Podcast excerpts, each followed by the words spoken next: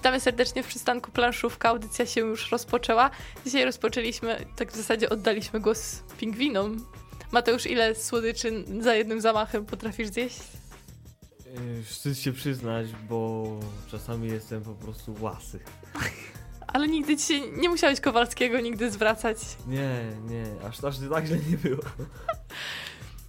Ciepło na dworze. My wam dzisiaj tą atmosferę trochę ostudzimy, bo wybieramy się w krainy bardziej lodowe, bardziej chłodne, chociaż pingwiny z Madagaskaru to skojarzenia nieco ciepłe, ale umówmy się, że pochodzenie pingwinów y, bardziej chłodne jest i do tego oczywiście K2, które też w scenerii bardziej zimowej będzie się odbywać, a zdaje się, że K2 ostatnio padło w jednym z topów.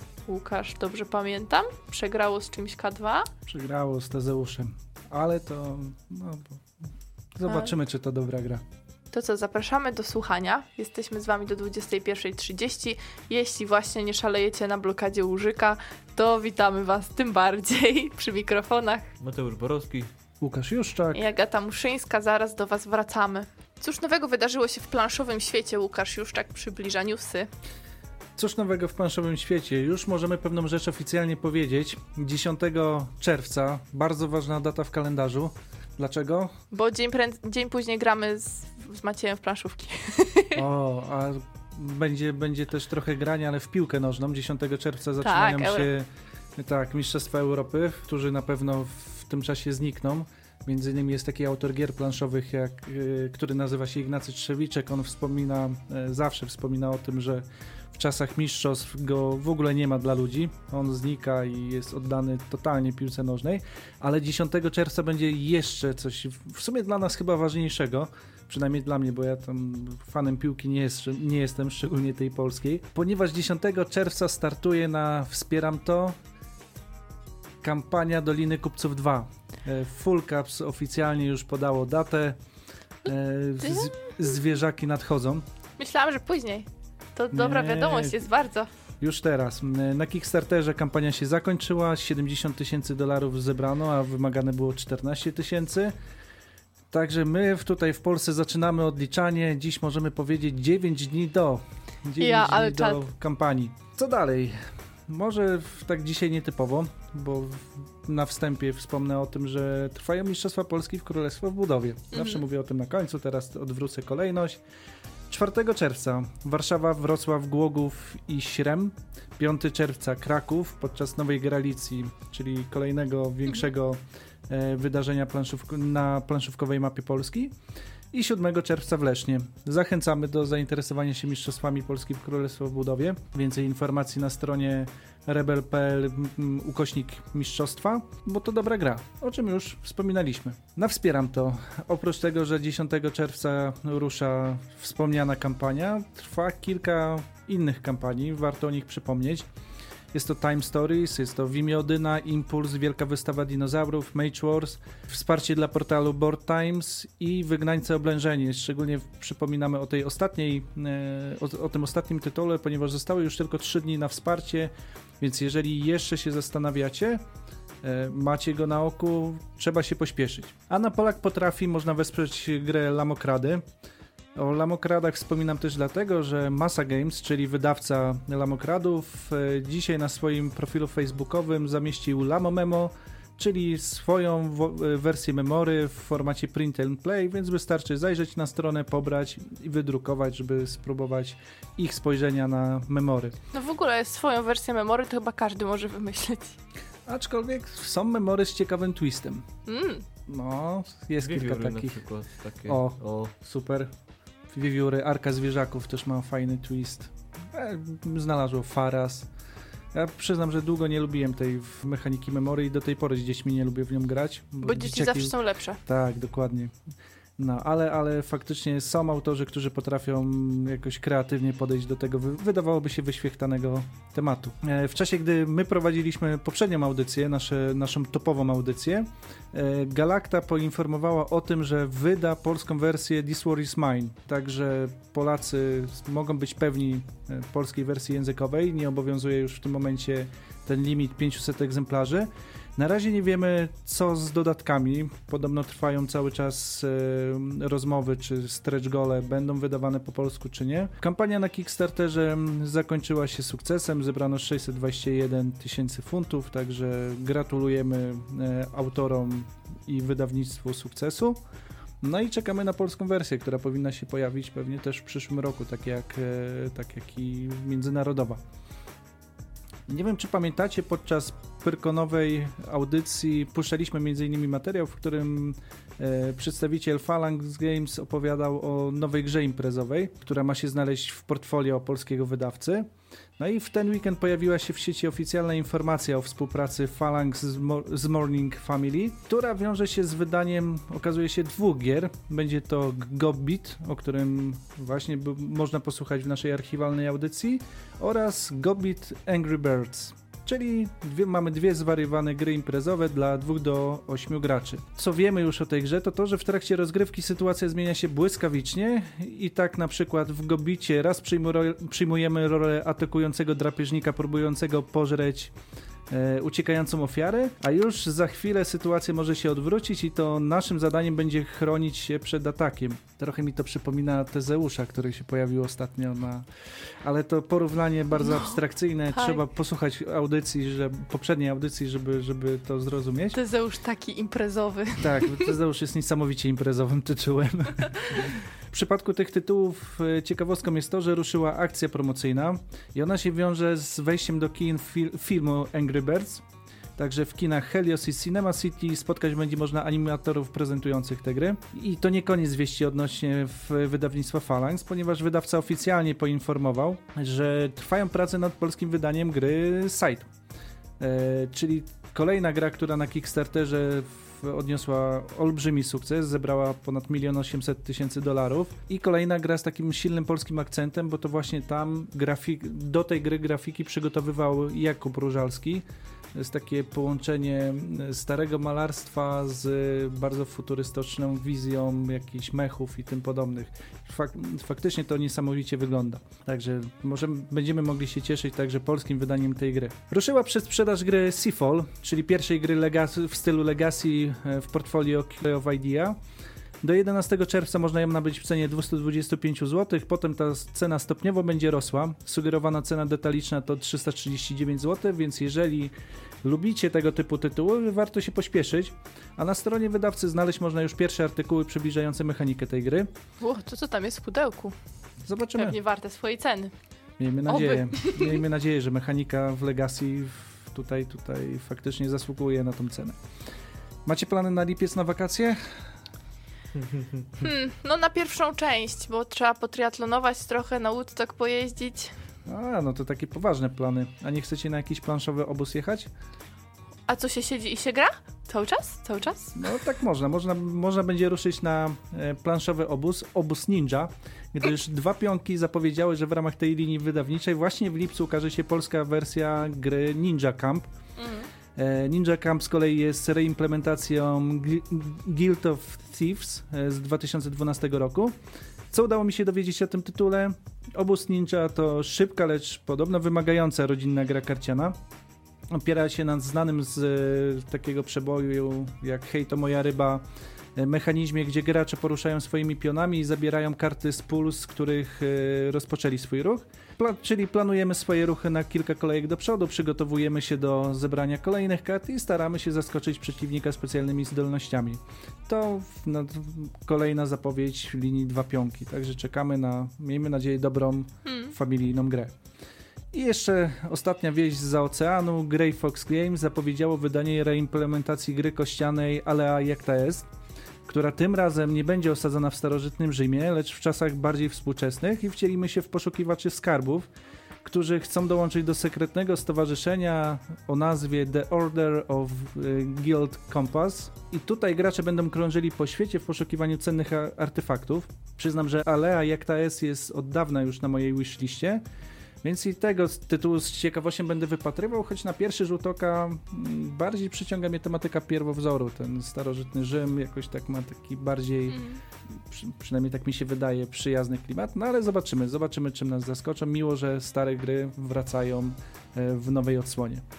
Ty już chyba ostatnio apelowałeś o to, żeby te wszystkie stare tytuły też odświeżać, zdaje się. Tak, tak, ja zawsze powtarzałem, że należy uwalniać planszówki z pudła, także... Dzisiaj też o tym pomyślałam, jak wyciągałam osadników, bo potrzebowa... bo tak kojarzyłam, że tam mamy wypraskę, że tam mamy woreczek strunowy wolny i tak pff, puchnęło kurzem aż wstyd. Oj, wstyd. Znaczy nawet No to- nie wstyd, że taka pani domu, że tam kurz ma, tylko bardziej, że po prostu... Czyli byś nie przeszła testu białej rękawiczki. Nie, no absolutnie. Nawet chyba testu teraz opowiadania o osadnikach pewnie bym nie przeszła. Ja myślę, że to trzeba nadrobić. Tak, i to nadrobimy już niedługo i to obiecujemy, że tak ich to cenimy, że naprawdę. To co, trochę chwila muzyki, za chwilę wracamy, już część główna będzie, będą pingwiny z Madagaskaru, ale nie będziemy filmu oglądać, tylko grać w grę. I K2, zostańcie z nami. Drodzy słuchacze, a czy wygraliście w Pingwin z Madagaskaru albo uwielbiacie K2? Chętnie się oczywiście przyjrzymy waszym wypowiedziom. Jesteśmy na fanpage'ach Przystanek Planszówka i Radio Uniwersytet, także jak chcecie dodawać coś do naszych e, planszowych rozmyślań, to śmiało. Łukasz opowiada Może wręcz K2. przeciwnie, może nienawici, nie, nienawidzicie tej góry mordercy, bo K2 nie ma dobrej sławy. Teraz stwierdziliśmy między wejściami, że jest to gra o górach. O, o górach. No I że brakuje tam tlenu. Takie suchary nam po głowie chodzą. Zimowe suchary. K2. Gra o górze mordercy, jak sama nazwa, wsk- sam tytuł wskazuje. Gra polskiego autora Adama Kałuży. e, Autora znanego w polskim świecie planszówkowym, także z takich tytułów jak Jaskinia czy Draco, Dom, e, Mr. House, przepraszam. e, jeszcze kilka by się znalazło, między innymi skoki narciarskie, o których już pewnie wielu zapomniało. Ale o czym jest K2? K2 to taka symulacja, eurosymulacja wchodzenia na ten jeden z najwyższych szczytów świata. Eurosymulacja. No to tak, Okej, nie no, świetnie właśnie. no właśnie, powiedziane. wyje, mam nadzieję, że uda się wyjaśnić dlaczego tak to nazwałem. Gra wydawnictwa Rebel, która zadebiutowała już kilka lat temu w 2010 roku. I czym jest K2? K2 przede wszystkim to plansza. Plansza, na której widzimy górę mordercę. Ja cały czas będę tego zwrotu używał, gdzieś go w książkach o, o K2 przeczytałem i zapadł mi w, w, w mojej głowie. Gra, w której naszym zadaniem będzie się wspinać e, drużyną, duetem Himalajstów i zdobywać jak najwięcej punktów zwycięstwa. Natomiast cały problem polega na tym, że góra morderca potrafi nas zabić, nawet w planszówce. Jak jego nazwa wskazuje. Tak, e, jak nazwa wskazuje, ta gra bywa brutalna. I na czym się opiera ta gra? Mamy planszę, którą sobie na początku gry rozkładamy. Oprócz tego będą widoczne kafle pogody. To jest jeden z takich ważnych mechanizmów, który się pojawia w rozgrywce. Pogodę widzimy tylko kilka dni naprzód, e, a musimy przeżyć, to znaczy powinniśmy przeżyć 18 dni, e, bo tyle trwa cała nasza ekspedycja. Każdy z graczy dostaje talię kart, w której znajdzie dwa, tak naprawdę dwa rodzaje kart. Jedne do poruszania się, drugie do e, aklimatyzacji. Oprócz tego, że dostajemy pionki naszych e, Himalajistów, dostajemy także namioty, które będziemy mogli rozbijać w czasie, e, w czasie naszej ekspedycji. Oraz taką ważną planszetkę, mniejszą, związaną z punktami aklimatyzacji naszych alpinistów. Jak wygląda roz, sama rozgrywka w K2? Na początku każdy dobiera 6 kart na ręce. Tak jak wspomniałem, karty są w dwóch rodzajów. Jedne będą służyły do tego, żeby dać nam w płuco, e, pozwolić nabrać trochę tlenu. Drugie będą związały się e, z ruchem w górę bądź w dół. I w swojej turze najpierw gracze jednocześnie, to znaczy jednocześnie, m, e, wykładają po trzy karty. Kiedy wszyscy już to zrobią, one są e, odsłaniane. Porównuje się ile punktów ruchu zużyli na, to znaczy na kartach ile mają punktów ruchu po to, żeby określić ryzyko. Bo K2 to jest góra, która, e, którą żeby zdobyć trzeba ryzykować, ale zbyt, zbyt e, mocnych śmiałków ona będzie ka karała. Ten, kto będzie miał najwięcej punktów e, ruchu, będzie musiał dobierać żetony ryzyka. Te żetony będą o różnych wartościach od 0 do 2. Następnie, kiedy już weźmiemy żetony ryzyka, które potem trzeba będzie rozliczyć, o czym zaraz opowiem, następuje faza akcji, czyli ta główna zabawa w K2, w której możemy zrobić kilka rzeczy. Przede wszystkim możemy się ruszać. Tak jak wspomniałem, będziemy mieli karty, na kartach będziemy mieli różne wartości ruchu. Pojawią się też karty poręczówki, taki klimatyczny, klimatyczny akcent. One będą pozwalały nam poruszać się albo w górę, albo w dół. Co ważne, jeżeli przyjrzymy się karcie w górę i w dół są różne wartości ruchu, więc warto sobie planować e, już wcześniej ten ruch, zostawia się na odpowiednie okazje. Natomiast nie jest to taka prosta gra wchodzenia od punktu A do punktu B.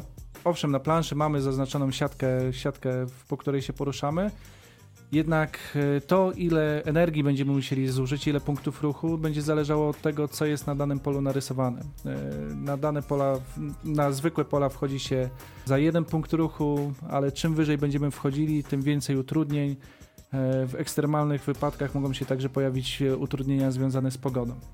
I tak jak mówiłem, możemy te punkty wykorzystywać do poruszania się w górę lub w dół, możemy poruszać jednym lub dwoma Himalajstami w, w danej kolejce ale wchodzenie na górę mordercy to nie tylko, nie tylko poruszanie się, to nie tylko wspinanie się. Czasem trzeba się zatrzymać, także czasem będzie można rozbić namiot.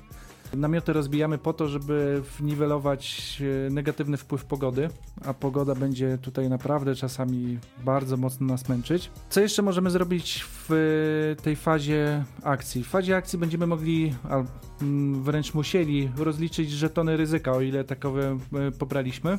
Żetony ryzyka będziemy mogli rozliczać z punktów ruchu bądź punktów aklimatyzacji i rozliczanie aklimatyzacji. To jest kolejna ważna rzecz e, w K2, która, która naprawdę spędza sens powiek, nie pozwala e, przysypiać przy planszy, ponieważ na koniec rundy każdy z naszych Himalajstów musi mieć przynajmniej jeden punkt ruchu, żeby, yy, przepraszam, punkt aklimatyzacji, żeby przeżyć. Natomiast te punkty aklimatyzacji będą zabierane nam yy, z jednej strony na polach, na których stajemy, czasami już są rozrysowane takie ikonki płuca i wartości, które musimy odjąć. Oczywiście czym wyżej, tym mniej tlenu, więc e, więcej punktów aklimatyzacji tracimy. Z drugiej strony mogą być, możemy potrzebować więcej punktów aklimatyzacji ze względu na pogodę, która akurat e, nadchodzi. I to też ciekawy mechanizm, bo ta pogoda działa na różnych wysokościach. To jest niesamowite w K2, że musimy rozplanowywać nie tylko to, że się wspinamy do góry, e, nie tylko to, że pojawiają się żetony ryzyka, ale także to, że zmienia się pogoda na różnych wysokościach. Na kaflach pogody, które się pojawiają, mamy taką przedziałkę narysowaną e, i w zależności na jakim obszarze góry się znajdujemy, możemy uniknąć negatywnego wpływu bądź się z nim zmierzyć. Także nieraz się zdarzy, że będziemy specjalnie schodzili po to, żeby tylko przeżyć, a schodzenie się wiąże z tym, że no nie zyskujemy, tracimy tak naprawdę punkty ruchu, a czym wyżej, tym więcej punktów zwycięstwa. I po swojej turze każdy dobiera znowu do 6 kart na ręce i następują kolejne tury naszej wspinaczki. Jak nam się skończy karta, bo talia ma 18 kart, mm, także w trakcie gry będziemy ją przetasowywać jak nam się skończą wszystkie karty, przetasowujemy je na nowo. Znowu się pojawia ten czynnik ryzyka, czynnik losowości, ale także czynnik planowania, bo wiemy, jakie karty nam wróciły. No i próbujemy przeżyć. Jeszcze tylko dodam, że ważne jest także to, że góra jest ciasna. Góra morderca no, nie rozpieszcza Himalajstów, czym wyżej, tym ciaśniej i to fajnie jest rozrysowane na planszy. Widzimy, że na danym polu może stanąć ograniczona liczba e, mipli Himalajstów. To bardzo często będzie determinowało naszą rozgrywkę, nasze ruchy i czasem powodowało dużo nieprzyjemnych sytuacji, wrednych bardzo. To tak bardzo w skrócie o K2. E, w K2 myślę, że ważniejsze, to znaczy trudno opowiedzieć, bo tam są ważniejsze emocje, które się pojawiają w tym. Tak właśnie po twoim tonie wnioskuję, że za chwilę będziesz miał doskonałą okazję, żeby się sprawdzić, mówiąc o klimacie i emocjach i różnych innych fajnych rzeczach, ale zanim to, to trochę ocieplimy te klimaty i z tego zaśnieżonego K2 przynosimy się do zoo. W Central Parku. W Central Parku dokładnie. Więc Pingwiny z Madagaskaru, no, wydawnictwa Phalanx. Autorem jest Michał Ozon, tak do 2 do 4 graczy. Czasu około godzinkę trzeba poświęcić. No mamy tam oczywiście główne postacie, czyli Skipera, Kowalskiego, Rico i Szeregowego. Najlepiej to przedstawi na samym początku Skipper przy tą grę. Baczność agenci, oficer X jest już bliski z zamaskowania naszej kryjówki. By przygotować się na starcie, rozegramy tu na teraz planszową symulację. Każdy z Was otrzyma zadanie, które ma wykonać zanim oficer X otoczy kwaterę główną. Na terenie zoo znajdziecie niezbędny ekwipunek oraz figurantów, których zwerbujecie, by z powodzeniem zrealizować misję. O, się go przestraszyłam. Skipper wprowadza świetnie do gry, tak samo jest cała instrukcja otoczona właśnie takimi e, powiedzonkami różnych bohaterów. Co znajdziemy w pudełku? Znajdziemy cztery, cztery figurki pingwinu z podstawkami i akcesoriami, świetnie wykonane przez firmę Kobi. Cztery karty pingwinów, 104 żetony, jeden znacznik pierwszego graczu, jest to ryba. Taka Mm, duża. Taka dorsz. duża, dorsz. 8 znaczników oficera X, y, 42 karty figurantów, 10 kart misji, 4 karty pomocy, worek na żetony, 9 kafelków zo, notes, instrukcje do gry i kostkę. Jest obszerny, obszernie w tym pudełku, nie ma za bardzo powietrza.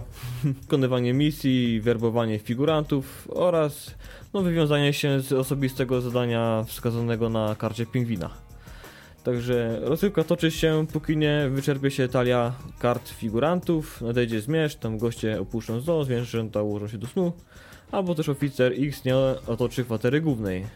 No i też trzeba uważać na żetony, ponieważ w trakcie gry niezbędne są one do zdobywania kart figurantów, ale ich na, e, nadmiar na koniec gry e, da nam punkty ujemne. Warto też wspomnieć, że gra ma dwa warianty. Rodzinny taki, dla dzieci, mocno początkujących, gdzie wszystkie karty odwracamy niebieską tarczą do góry, kafelki na planszy, planszy łapkami do dołu. Wtedy gra jest taka łatwa, głównie taka do zbierania. Dużo nie trzeba y, grać taktycznie, aż tak. Mm. No i tryb zaawansowany, który ogólnie przedstawię, bo jest ciekawszy, bardziej dynamiczny, fajniejszy, polecany przeze mnie.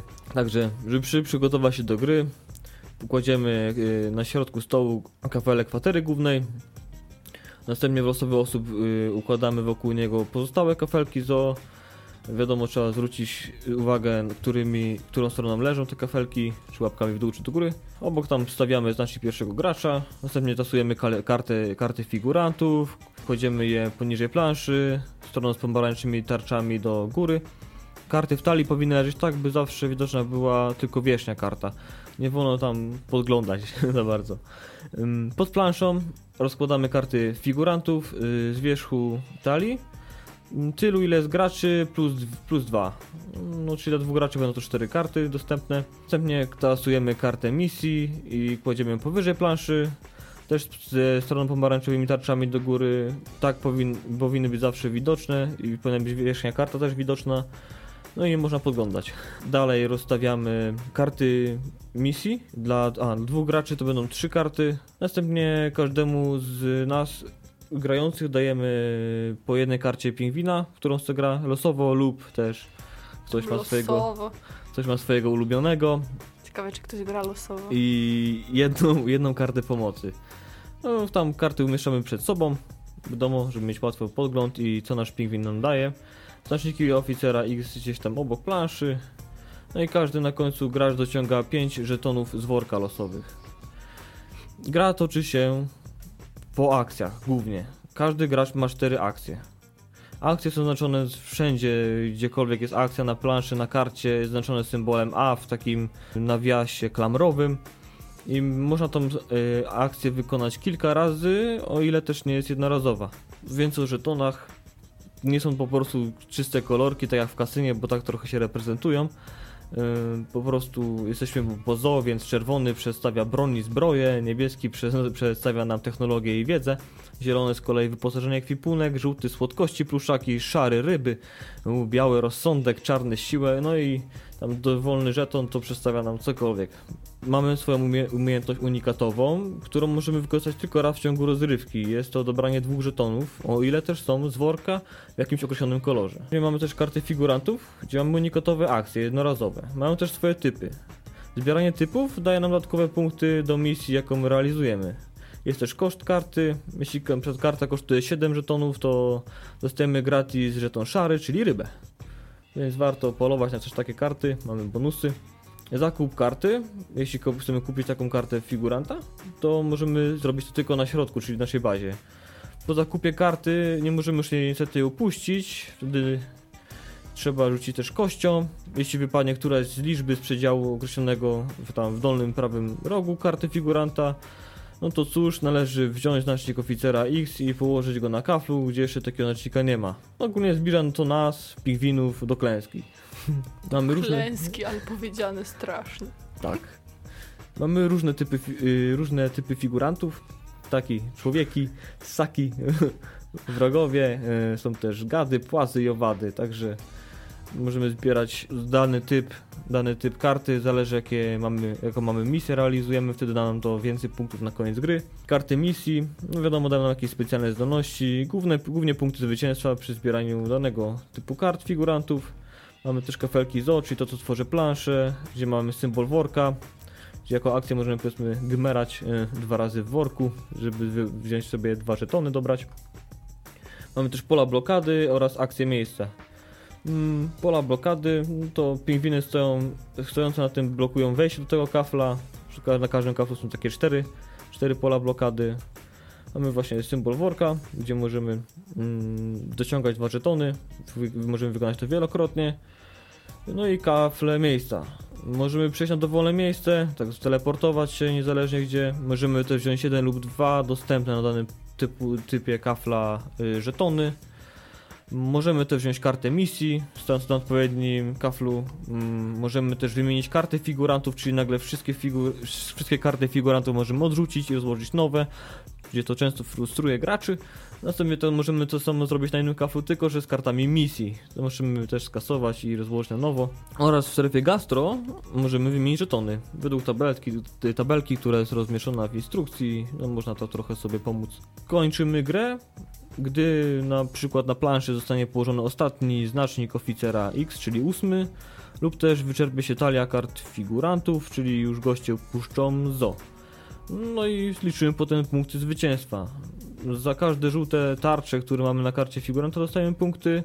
Za jakieś pary, zestawy kart figurantów dostajemy bonusowe punkty. Też za wykonanie oczywiście misji, no i za zdobycie y, kart, gdzie widnieje żeton naszego pingwina, że na przykład za ileś kart z zielonym na przykład żetonem dostajemy też dodatkowe punkty. Dzieje się, dzieje. Dzieje się wielość akcji, tam też może przytłoczyć, ale to już będziemy za chwileczkę mówić. No to dziękuję Wam za takie żwawe przytoczenie zasad. Zostajemy teraz y, z grami i co z tym klimatem? Możemy zacząć od K2. Czy klimat tam podzwrotnikowy raczej nie jest w K2? Jest zimno. Zimno, zimno i co tam się dzieje, bo wiem, Górale że są. Łukasz dużo nam powiesz o klimacie. Znaczy ja jak grałam, pamiętam, że tam tlenu naprawdę brakowało, już to czułam po prostu jak co chwilę się robi gorzej. Ja od razu powiem. K2 dla mnie jest jedną z ważniejszych gier, w jakie grałem. No, I czapki z głów jestem pod wielkim wrażeniem tego, co zrobił pan Adam Kałuża, bo to jest niesamowicie klimatyczna gra. Napięcie, jakie po prostu tam jest w czasie rozgrywki, dylematy, które są stawiane przed graczami. Może to nie jest aż nie aż takie dylematy jak y, fabularne, jak obecnie czasami się pojawiają w grach, typu nie wiem, chociażby tych o zombie, tak? Co Mhm. Cały czas mnie zachęcacie, żeby zagrać. Te kooperacyjne tak zwane. Tu nie mamy kooperacji. Tutaj walczymy ze wszystkimi. To jest klimatyczna gra, która porusza bardzo trudny temat himalaizmu, bo część z nas patrzy na himalaistów jako na takich romantyków, którzy ruszają w góry i zdobywają, pokonują własne słabości. Część patrzy na nich jak na wariatów.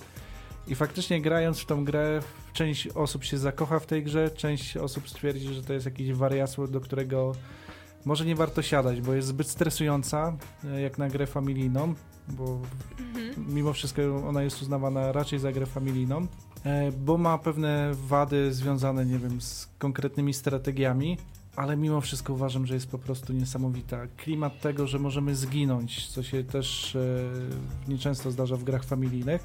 Fakt faktem tutaj jest możliwość grania z kartą e, e, kartą, która nam ratuje życie. Jest taka symboliczna karta, gdzie w spadającej osobie ktoś podaje rękę. Przyznam, że nigdy w tym wariancie nie grałem, także jakoś tak dla mnie to by było wyzbycie się z emocji. Ale tak jak mówię, tutaj, tutaj te emocje związane z zginięciem, z blokowaniem są bardzo duże. Choć wiem, że nie każdy się ze mną zgadza. no właśnie może ten fenomen gry K2, bo która jest no, popularna, właśnie polega na tym, że ona jakby nie, nie uznaje kompromisów. Może tak jak ta natura, która tam pokonuje Himalajstów. Potrzebujemy aż takich skrajnych emocji czasami przy grach planszowych też. Bo zombie mimo wszystko wiemy, że oni są, mm, no oni nie są rzeczywiści, Mhm. tak? Dokładnie i myślę, że jeżeli ktoś, nie wiem, czytał książki chociażby pani Anny Czerwińskiej, on w tej i lubi te książki, lubi ten klimat himalaizmu, to na pewno znajdzie coś w tej grze dla siebie. Znajdzie emocje większe lub mniejsze, w zależności jaką porę roku wybierzemy, jaką stronę planszy. To też jest bardzo fajne w K2, Mm. że mamy dwie strony planszy, o czym chyba nie wspomniałem mówiąc, z, opowiadając o zasadach. Mamy pogodę letnią, mamy pogodę zimową, czyli możemy już na, sobie w, na, u, różnorako stopniować e, tą trudność rozgrywki. Także, także, no klimat jest, co tu dużo No mówić. lato też było trudne. Nie ma tak, że robimy lato i nagle nam tam łatwiej o wiele. Tak wspominam, ale to była pierwsza rozgrywka chyba. No nie jest to wejście na Kasprowy, na pewno. Gra nie wybacza błędów. Nie wybacza, a jak tam pingwiny, pingwiny chyba wybaczają, co? Ten klimat tutaj będzie tak całkowicie kontrastowy. Powiedziałbym tak, że jest kontrastowy, gdyż dzieje się w Central Parku, więc Jest śmiesznie. jest śmiesznie, są różne zwierzątka. Jesteśmy oczywiście my, czyli pingwiny, główni bohaterowie, którzy mają szalone pomysły. Mm, Jest prze- przespaniały klimat w tej grze, po prostu oddało cały ten Central Park. To, to co dzieje się na, na, na, na, parku po prostu odzwierciedla te całe akcje, które są w serialu czy też w filmie. Tak samo postacie, które się pojawiają na kartach, możemy skojarzyć z jakimiś wycinkami, czy czytając te karty wiemy jaka, z jakiej sytuacji są, dlatego to nadaje taki no fajny, fajny, fajny klimat, że czy jesteśmy tym pingwi- pingwinem tam. W przypadku takich gier na licencji chyba grzechem by było, gdyby one nie oddawały klimatu tego, na podstawie czego powstały, zgadza się? Ale Wiele gier popełnia ten grzech. Dajmy Tak. na to, nie wiem, Monopoly i Gra o Tron. Z całym szacunkiem, ale myślę, że w mechanicy Monopoly nie znajdziemy aż tyle gry o Tron, ile byśmy chcieli. Ale jest popularna gra o tron, więc kasa leci. Kasa leci dokładnie. Licencja, licencja jest tutaj ważna i, i na pewno przyciąga ludzi. A w przypadku tutaj chyba pingwinów, mimo wszystko ten klimat udało się Michałowi Ozonowi zachować. Tak, no sama instrukcja już przykuwa uwagę, bo tak jak Mateusz już wspomniał, tam są też, ona jest tak pisana językiem pingwinów, więc to jest Jest Bardzo fajne. Julian. Tak, jest naszpikowana mm, postaciami pingwinów, które tam cytują odpowiednio jak, jakieś malutkie zasady. Zazwyczaj zaczyna się to w stylu żołnierze, daję przykład, objaśniam dalej, więc to są wszystkie kwestie z filmu czy też serialu. Dlatego nawet czytając tą, tą instrukcję, czujemy się właśnie jak jakbyśmy byli wdrażani taką wiek, większą misję. Mm, czujemy się, czyli emocje też wchodzą tutaj w grę. Jak najbardziej, jak najbardziej. Szczególnie czuję te emocje, gdy mamy te, gdy zbieramy te żetony, żeby kupić jakąś kartę figuranta, czy też chcemy udać się po daną misję, ktoś nagle nam wszystko sprząta sprzed nosa i na przykład nie możemy danej, danego typu karty kupić, czy też brakuje nam karta do pary, nagle wszystko idzie na No stos. Słuchacze tego nie widzieli, ale jak opowiadałeś o zasadach i właśnie o tym, że można z... wymienić wszystkie karty, w bardzo znaczący sposób spojrzałeś na Agatę, także podejrzewam, że nieraz y, dało ci się to we znaki. Ale nie powiedziałeś już, że z takim machnięciem ręki. Nie, nie, nie, to raczej już...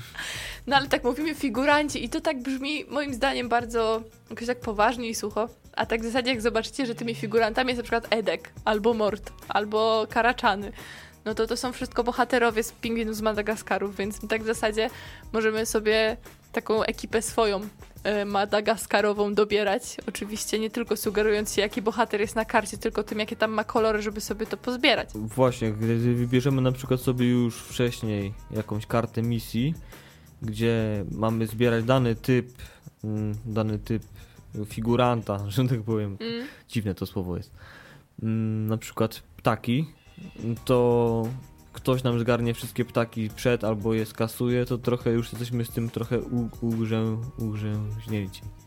No ładnie wybrnąłeś, co jesteśmy. Wiele zarzutów takich jest, że to jest gra o zbieraniu żetonów, tak naprawdę.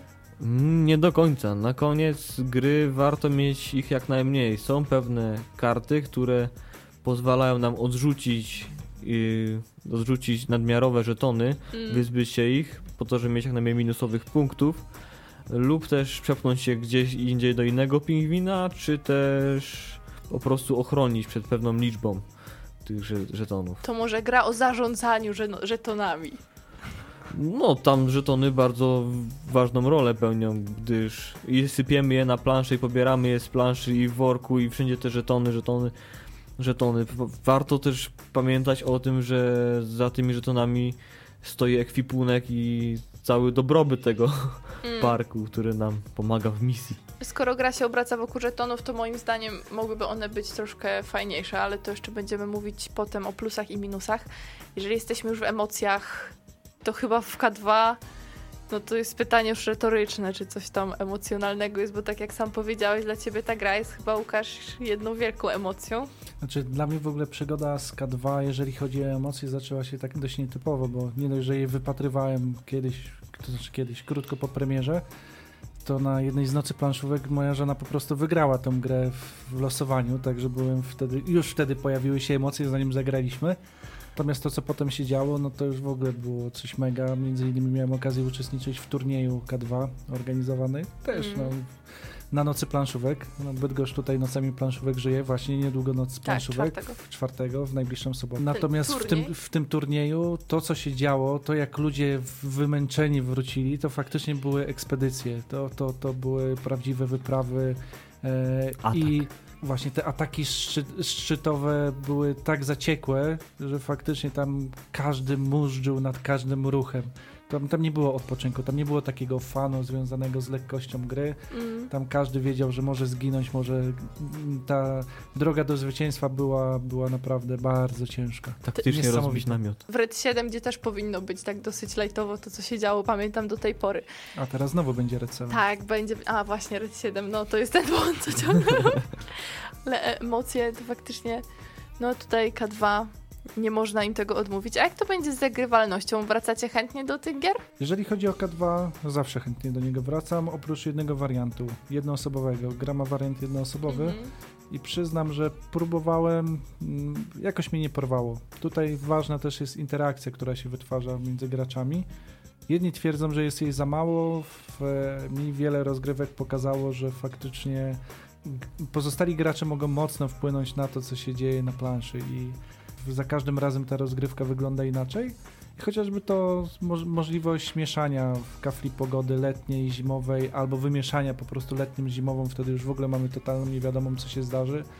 Możliwość wy- wybrania jednej z dwóch stron planszy, żetony ryzyka, to jak nam karty do, dojdą. Zmiennych jest tutaj dużo. E, natomiast pomimo tego nie mam poczucia, grając w K2, nie mam poczucia losowości, mam duże poczucie wpływu na to, co robię. I owszem, czasem karta pójdzie źle, czasem pogoda da się we znaki akurat przy określonym typie kart, ale, ale w większości rozgrywek e, wiem, że jeżeli popełniam błąd, to z reguły jest faktycznie moja wina, coś źle sobie policzyłem. Mm, Pogod- w ogóle gry z pogodą zwykle dają. Bo pogoda w każdej grze daje się we znaki, bo jest tak nieobliczalna, nieprzewidywalna. Chociażby właśnie K2 czy Robinson Crusoe. Nagle masz chmury, pf, burza, koniec. Skalowanie w pingwinach? Skalowanie w pingwinach i więcej pingwinów w akcji, tym lepiej. Tak. Śmieszniej to raz. Śmiesznie i najlepiej właśnie dobrać sobie takie towarzystwo, które ono oglądało już chociażby jeden czy parę, czy film Mhm. z pingwinami, parę odcinków, kojarzy ten, ten, ten klimat cały, te żarty suche o pingwinach. Ta- Tacy, tacy gracze częściej wracają do rozgrywki w pingwiny, ale niekoniecznie. Nawet z młodszymi graczami w ten wariant można łatwiejszy zagrać. Też Może będą się chcieli bawić. oglądać wtedy pingwiny. Tak, na pewno po rozgrywce może wrócić do łask telewizor. Tak, zachęćmy dzieci od planszówek do tego, do telewizora, zagrajmy w pingwiny. Tak. Ale myślę, że ważną rzeczą w przypadku pingwinów jest to, że jakby ilość graczy wzmaga negatywną interakcję, bo jednak tam jest tak, że między kaflami one nie mogą przechodzić, jeżeli ktoś im stoi na drodze, więc jak masz cztery pingwiny na planszy, no to jest większe prawdopodobieństwo, że któryś ci stanie tam w drzwiach i nie przejdziesz. Tak, gdyż plansza zawsze jest taka sama, a obiektów, tak, pingwinów, Mm. jak ładnie to brzydko nazwałem, pingwinów jest, Obraziły się na bank na ciebie.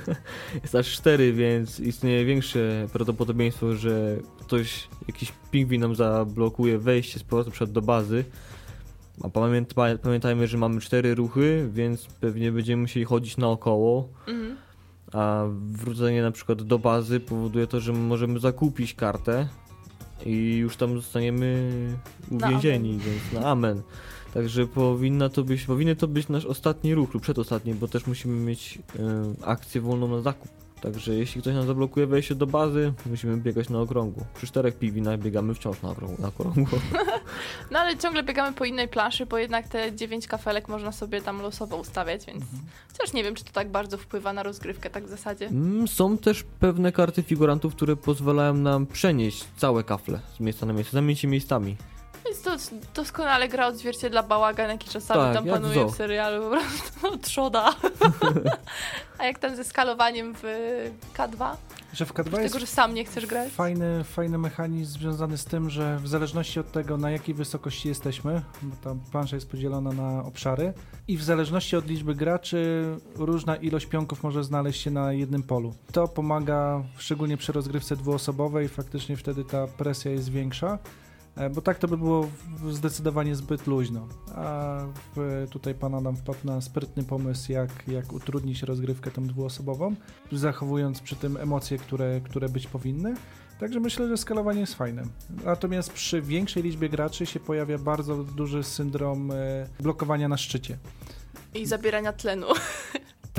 Tak, e, bo tak jak mówiłem, trzeba przeżyć. Mhm. Więc czasami gracze w tym ataku szczytowym faktycznie blokują sobie miejsce, co też ma, to- jest ciekawe, bo to też ma jakieś odwzorowanie historyczne, kiedy czytamy e, właśnie chociażby książkę Anny Czerwińskiej. Faktycznie na szczycie K2 bywało ciasno. Różne zespoły ruszały na atak, wiadomo, że tam pogoda nie zawsze jest sprzyja, wręcz rzekłbym, że rzadko sprzyja, więc każdy chce, kto, kto jest u stóp tej góry, chce wykorzystać ten odpowiedni moment i próbuje wejść na szczyt.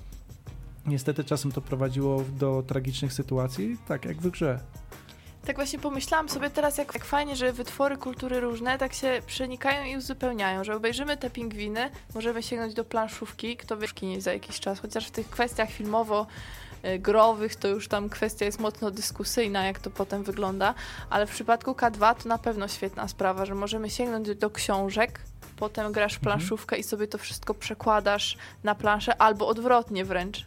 Ga- Mhm. Gramy z tobą w K2 i ty mi polecasz książkę i już, już dalej jakby wiedzę zdobywamy Właśnie- na ten temat. Jak e, zaczęliśmy opowiadać dzisiaj o tej grze, tak sobie uświadomiłem, że to jest jeden z zarzutów, który może bym miał do, trochę do wydawcy. Nie wykorzystał tego potencjału e, historycznego związanego z grą, związanego też e, z osiągnięciami Polaków, bo Polacy mają duże osiągnięcia, jeżeli chodzi o wspinaczkę na ośmiotysięczniki i nie ma tutaj w instrukcji żadnego dłuższego jakiegoś rysu fabularnego, który by poopowiadał może historię konkretnych osób, poopowiadał nawet wyciągnięcie cytatów. No, trochę zabrzmi to egoistycznie, ale pisząc recenzję, sięgając właśnie do książki Anny Czerwińskiej, potem całe fragmenty mogłem wyciągać, wklejać je w recenzję, bo one niesamowicie korespondowały z klimatem. Faktycznie tutaj, tak jak już wspomniałem i po raz kolejny powtórzę, pan Adam e, Kałuża naprawdę bardzo fajnie oddał klimat himalaizmu. Widać, że e, góry nie są mu obce.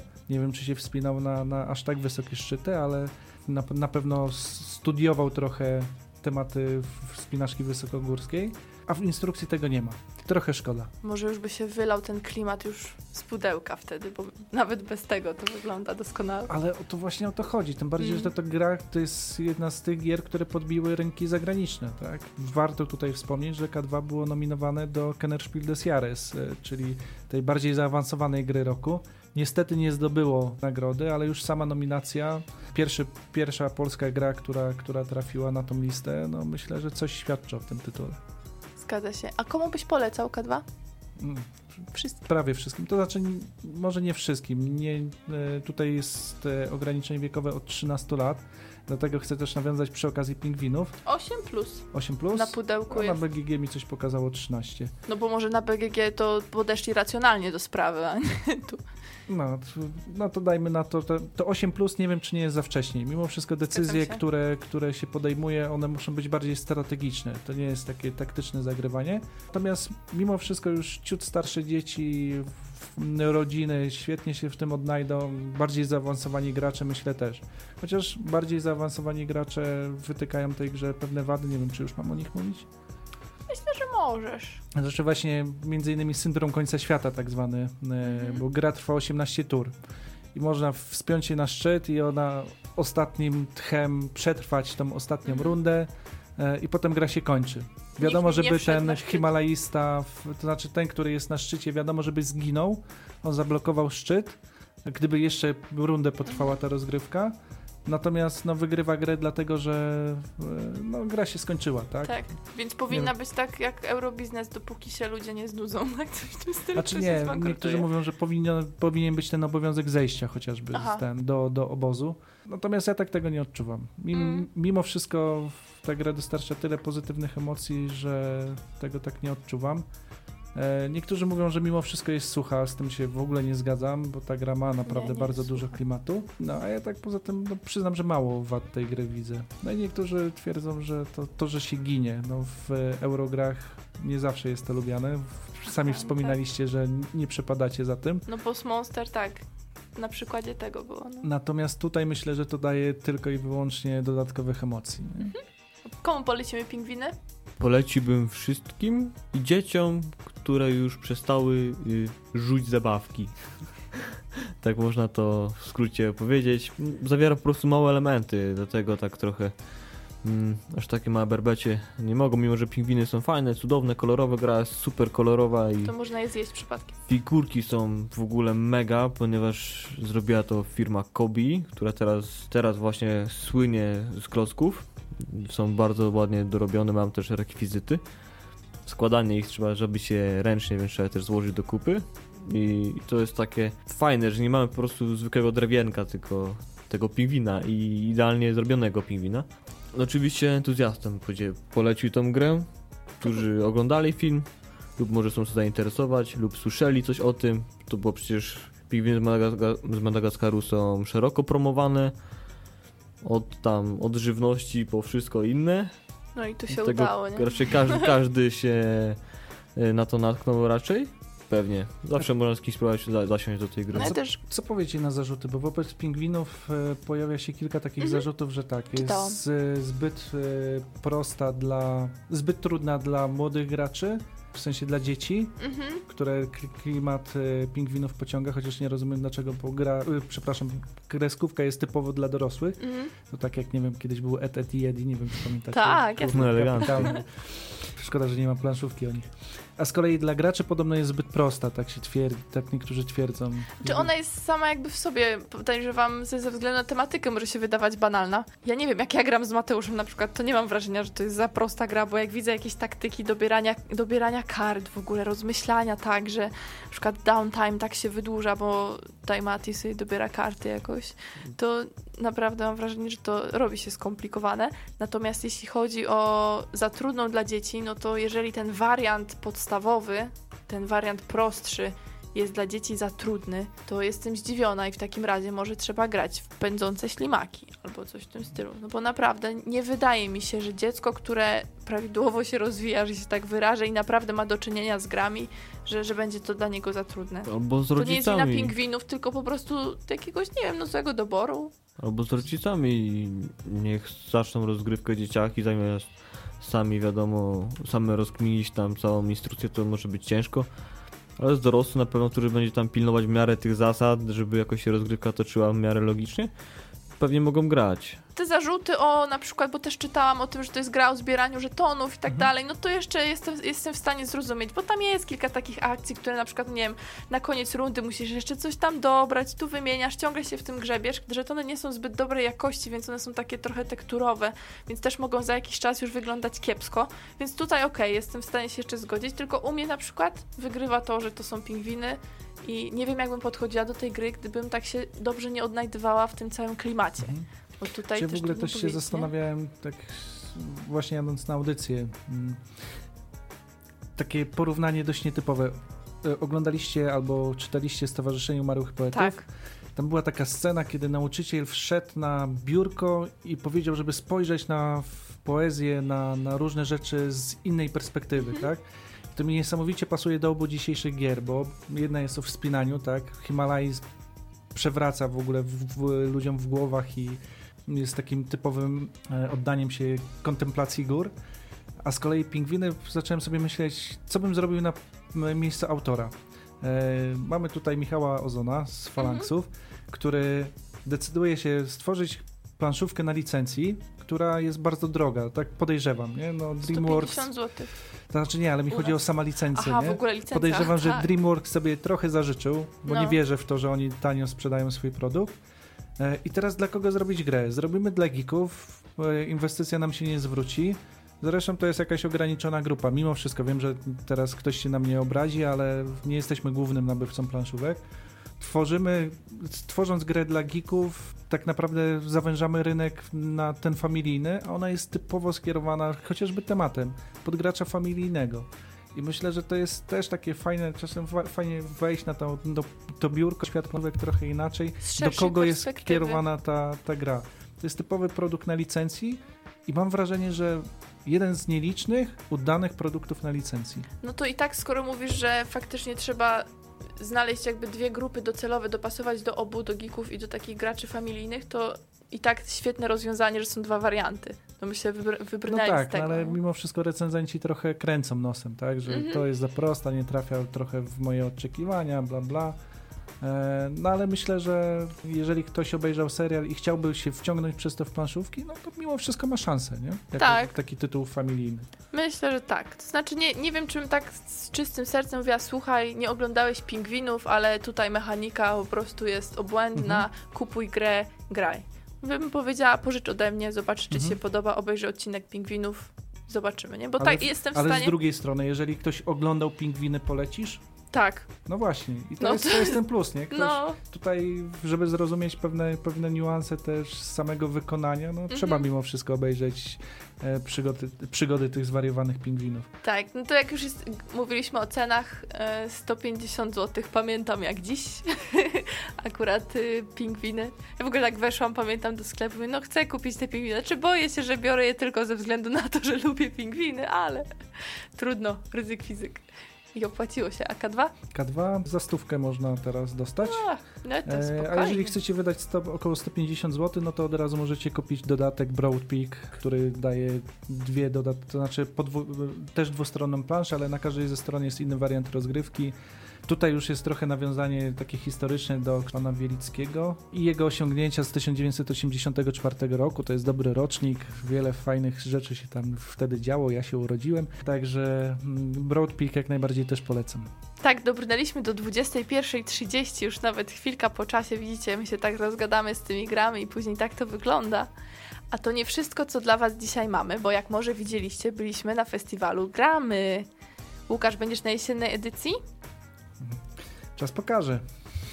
Mam nadzieję. Jak coś, to jedź z nami. Chcielibyśmy bardzo podziękować organizatorom za zaproszenie. Było nam bardzo miło być jako przystanek planszówka e, patronem medialnym, bo zostaliśmy ugoszczeni naprawdę na bardzo wysokim poziomie i przede wszystkim ten klimat, nie tylko tego, że tam były planszówki, mili ludzie i tak dalej, ale od samych organizatorów e, bardzo nam pomogli w zbieraniu materiału i tak dalej, więc, więc naprawdę, tak jak napisaliśmy na fanpage'u Festiwal Gramy, robicie to dobrze.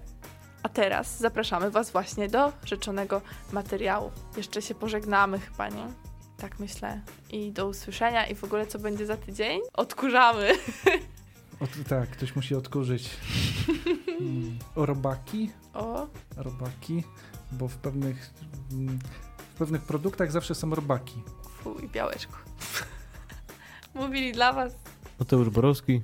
Łukasz już tak. Agata Wyszyńska. Byliśmy na festiwalu Gramy. Zapraszamy do słuchania relacji. Dzisiaj jest sobota, a zanim będzie środa i audycja, to trochę czasu minie i emocje opadną, także na gorąco z Gdyni teraz będziemy Wam zdawać relacje. Mateusz, jak Ci się podoba na festiwalu Gramy?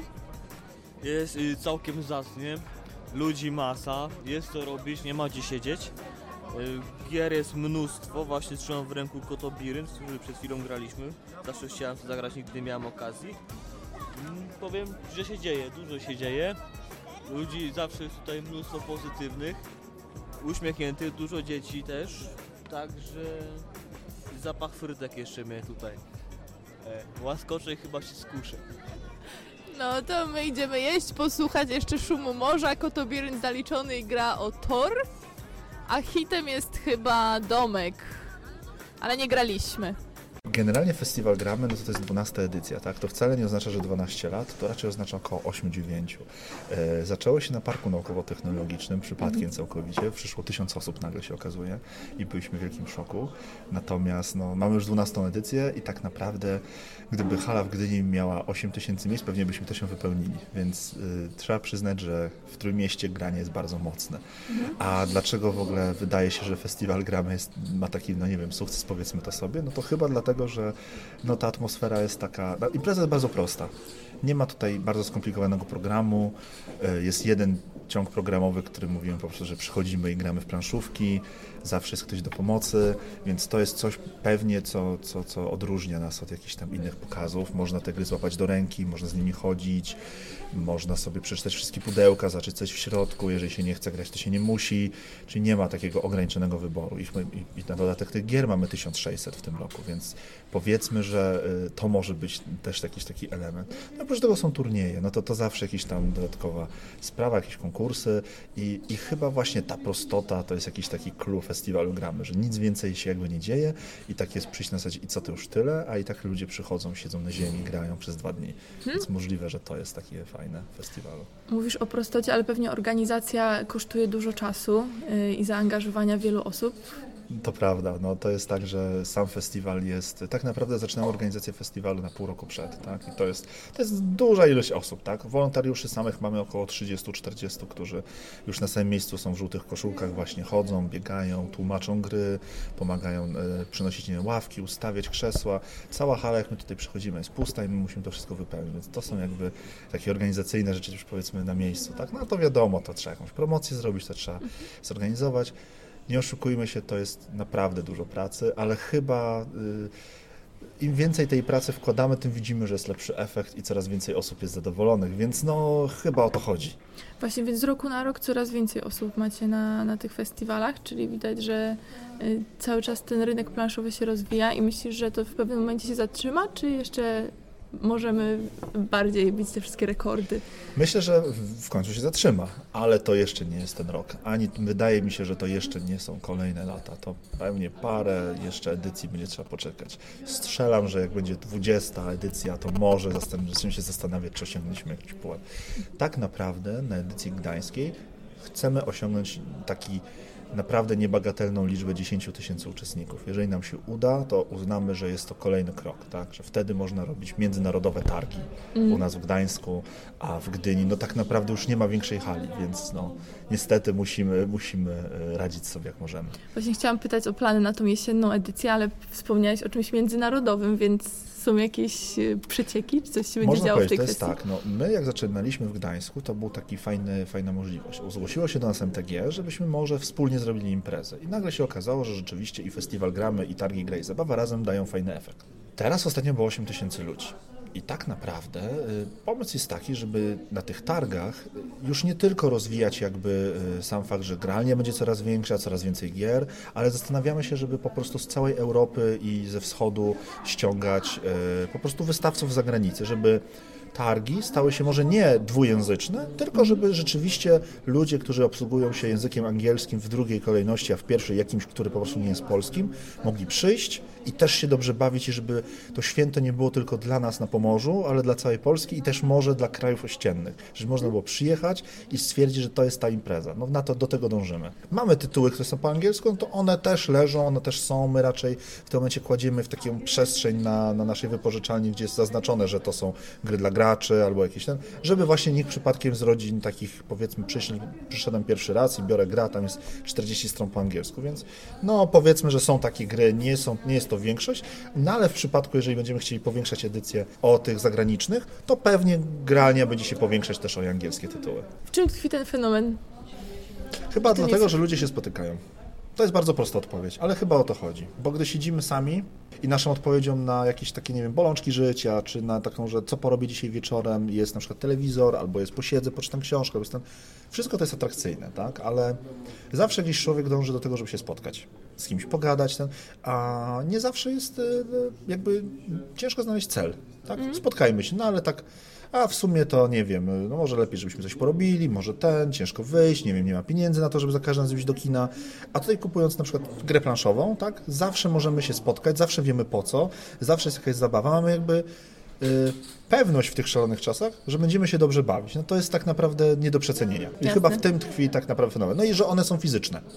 Ja siedzę tutaj z wami, patrzymy sobie w oczy, patrzymy sobie ten, jesteśmy, tak? A nie jesteśmy gdzieś tam obok siebie, gramy na komputerze czy, czy oglądamy. To jest coś, czego się nie da podrobić. Takie twoje prywatne top 3 gier. Ostatnio robiliśmy audycję o właśnie swoich grach ulubionych, Mhm. więc może teraz twoje. Jakieś Jak byłbyś w stanie wymienić trzy swoje ulubione? Tak, na pewno. No ja mam trzy teraz swoje ulubione, to będę mieć na pierwszym miejscu całkowicie cały czas Battlestar Galactica. To jest, to jest top jeden absolutny. Top dwa absolutny to są cyklady. To jest, to jest gra, e, rzecz jasna, z pierwszym dodatkiem z Hadesem, bo to jest gra absolutnie nie do ten. Teraz w sumie na trzecie miejsce wskakuje e, nowość, która wyszła niedawno. Po prostu zauważyłem, że po prostu mam z nią dużą radość, jest domek. Ten I tak, turniej, tak, tak? bo ja go testowałem chyba przez dwa lata i dopóki on nie wyszedł, no to głupio powiedzieć, że nie jest fajny, jakby w sensie, że to jest moja ulubiona gra, tak? Natomiast teraz muszę przyznać, że gram w nią bardzo często i cały czas mi się jeszcze nie znudziła. Mam nadzieję, że, że jakby już nie będę musiał się zastanawiać na top 3, bo będę wiedzieć, co jest. Mhm. A z nowości właśnie? Jeszcze jakieś chciałbyś polecić słuchaczom? Z nowości dzisiaj usłyszałem, że Via Nebula jest świetna. Nie miałem zielonego pojęcia nawet, że będzie taka gra, a to nagle słyszałem, że świetna, bo jest prosta i, i, i, i- bardzo ładna. Słyszałem, że Zombie 15 od Egmontu jest bardzo fajne. Ma wysoką cenę, ale słyszałem, że warto. Grałem w nią raz parę miesięcy temu i, i stwierdzam, że naprawdę jest to świetny tytuł. A z takich rzeczy, żeby e, rzucić sobie okiem, żeby się może jakoś tam, e, żeby się zastanowić może nad, nad jakimś dzieniem, to warto obserwować może te nowe gry, które wychodzą e, na Kickstarter, znaczy na naszym tam wspieram to, prawda? Dlatego, że tam pojawiają się gry, które nie idą e, takim prostym torem, tak? Czasami jest tak, że różne wydawnictwa wydają rzecz jasna fajne gry, tak? Nie wiem, ja widzę, że Tref teraz wydaje coraz fajniejsze gry, tak? Nie wiem, Rebel cały czas wydaje gry i tak dalej, fajne. Natomiast e, dzięki temu, że pojawiło się to wspieram, to widać, że pojawiają się tytuły typu This War of Mine, tak? Które można rzeczywiście w Polsce sobie dzięki temu będzie zagrać. I moim zdaniem warto rzucić okiem po prostu, nie wiem, na te właśnie dwa wydawnictwa i patrzeć sobie na stronę wspieram to. Nazywam się Ula, mam na koszulce nick Rivers i od, na festiwalu gramy to jest już praktycznie moja dziewiąta edycja. Możesz oszacować, ilu osobom już dzisiaj wytłumaczyłaś zasady? Dzisiaj w sumie nie tłumaczyłam, bo siedziałam na wypożyczalni i wypożyczałam ludziom gry, tak więc chociaż w sumie e, chwilę tłumaczyłam Kardajna przy stanowisku, tak więc w sumie gra sama w sobie jest banalna, więc mechanika dało się w miarę szybko wytłumaczyć. Które gry cieszą się największym zainteresowaniem na tym festiwalu? Jesteś w stanie określić? Doble, wsiąść do pociągu lub też takie e, nowości jak domek właśnie tym, e, na tej edycji. W sumie to jest e, nowość od Rebla wydana. Kolega tam zapytał się, jak wyglądają statystyki. Sprawdziliśmy, właśnie wyszło, że domek miał dzisiaj najwięcej wypożyczeń. Twoje takie prywatne top 3 mogłabyś wybrać, żeby polecić naszym czytelnikom i słuchaczom? Okej, wsiąść do pociągu, e, Takenoko i Doble. Takenoko jest przysłodka panda z rolnikiem. Trzeba pilnować, żeby panda za dużo nie zjadła bambusa, albo żeby nam bambus wyrósł i ogólnie jest piękna grafika do tej gry. Mi się mega podoba. A wsiąść do pociągu? To ogólnie układamy tor. Y, Generalnie gra, mimo że mm, jest jakby. Musimy budować trasę, tak? Więc mimo wszystko, jeżeli przegram tą grę tam z 10 razy, to i tak muszę jakoś inaczej kreować e, trasy, jak gram za każdym razem, za innym razem, tak? Więc to nie jest tak, że raz przegram tą grę, a ona od razu idzie na półkę. A ta gra jest po prostu na tyle uniwersalna, że nie ma problemu, że ona trafi gdzieś tam pod kąt i nie będzie po prostu grywana. Także regrywalność bardzo ważna cecha. A powiedz mi, co sprawiło, że jesteś tutaj już dziewiąty raz? No, w sumie między innymi towarzystwo, fakt, że sama mogę wypożyczać gry tam przed festiwalem, żeby, bo ogólnie e, przed festiwalem e, jest organizowane spotkanie dla żółtych koszulek, żebyśmy mogli e, ogarnąć chociaż jakąś pulę tytułów. I między innymi sami się uczymy tych tytułów, sami wiemy, które gry są dobre i które są e, warte polecenia w tym momencie. I no i między innymi dlatego możemy sobie sami przegrać, zrozumieć je i potem możemy polecać je innym ludziom. Poza tym też e, widzę, że ludziom, którym polecam e, te gry, sprawia to satysfakcję. Potem ludzie do mnie wracają mówią, że o super ta gra, bardzo mi się podoba, czy mogłabyś polecić coś innego. Albo też widzę, że czasami przychodzi rodzina z dziećmi, tak? To widzę, że e, polecam na przykład takiemu dziecku jakąś grę i widzę, jak dziecko powoli uczy się tej mechaniki, zaczyna kojarzyć fakty. To jest o tyle inspirujące, że widzę, że ja czegoś mogłam nauczyć to dziecko, tak? A potem w następnej przyszłości to dziecko dalej się uczy i dalej jakby inspiruje innych użytkowników. A powiedz mi, czy jako żółta koszulka tak zwana, e, musisz tylko zasad się uczyć i to jest jakby całość twojej, twojego organizowania tego eventu, czy jeszcze coś robicie jako wolontariusze? E, prowadzimy także turnieje, prowadzimy także e, później losowanie w obiegówce. To udało mi się nawet tam raz przy obiegówce wręczać nagrody. Po, prowadzimy tą całą wypożyczalnię, też pilnujemy, które gry są wypożyczone, które nie. No i ogólnie też tłumaczymy gry. Tak. E, Tomasz Zyntek, y, mieszkam tu w Gdańsku, mam 22 lata i studiuję. Jak dla mnie z gier dwuosobowych taka super, która mi się podoba, to jest 7 cudów świata pojedynek. Następnie grupowo do 5 osób, na więcej, na dłużej czasu, tak do 2 godzin Shogun. Super świetna gra, ale naprawdę trzeba poświęcić do 2 godzin na nią. Y, I trzecia gra, jaką bym polecił, to z naszych nowości. y, W środę y, doszła do nas Via Nebula, taka na rozluźnienie do 60 minut, żeby móc sobie posiedzieć, pograć. Dwa razy do roku mamy te imprezy, co, co, co roku w Gdyni i w Gdańsku. Widać, że os, osób jest więcej, stolików staramy się dokładać też coraz więcej, a ludzie i tak lądują na podłodze, bo nie ma gdzie grać, jak widzimy. Y, Cieszymy się dużą popularnością, y, szczególnie cieszymy się tym ze względu na to, że dzieci przestają siedzieć tyle przy komputerze, ludzie wracają do planszówek, tak? W pewnym momencie było z tym kiepsko, a teraz promujemy właśnie to i... Na czym polega fenomen gier planszowych i takich festiwali właśnie? Moim zdaniem polega to na tym, że możemy posiedzieć sobie w grupie i y, ze sobą nawzajem, a nie patrząc się w ekran telefonu, prawda? Teraz właśnie widzimy taką właśnie smutną scenerię na podwórkach, gdzie dzieci siedzą i niby razem, a każdy siedzi sobie w telefonie i grają sobie w Candy Crusha czy tam w coś, cokolwiek. A tu możemy usiąść, pogadać, ponegocjować przy grach, powspółpracować, porywalizować i to w takim starym, dobrym zwyczaju bez ekranów elektrycznych, elektroni- elektronicznych. Analogowo, dokładnie.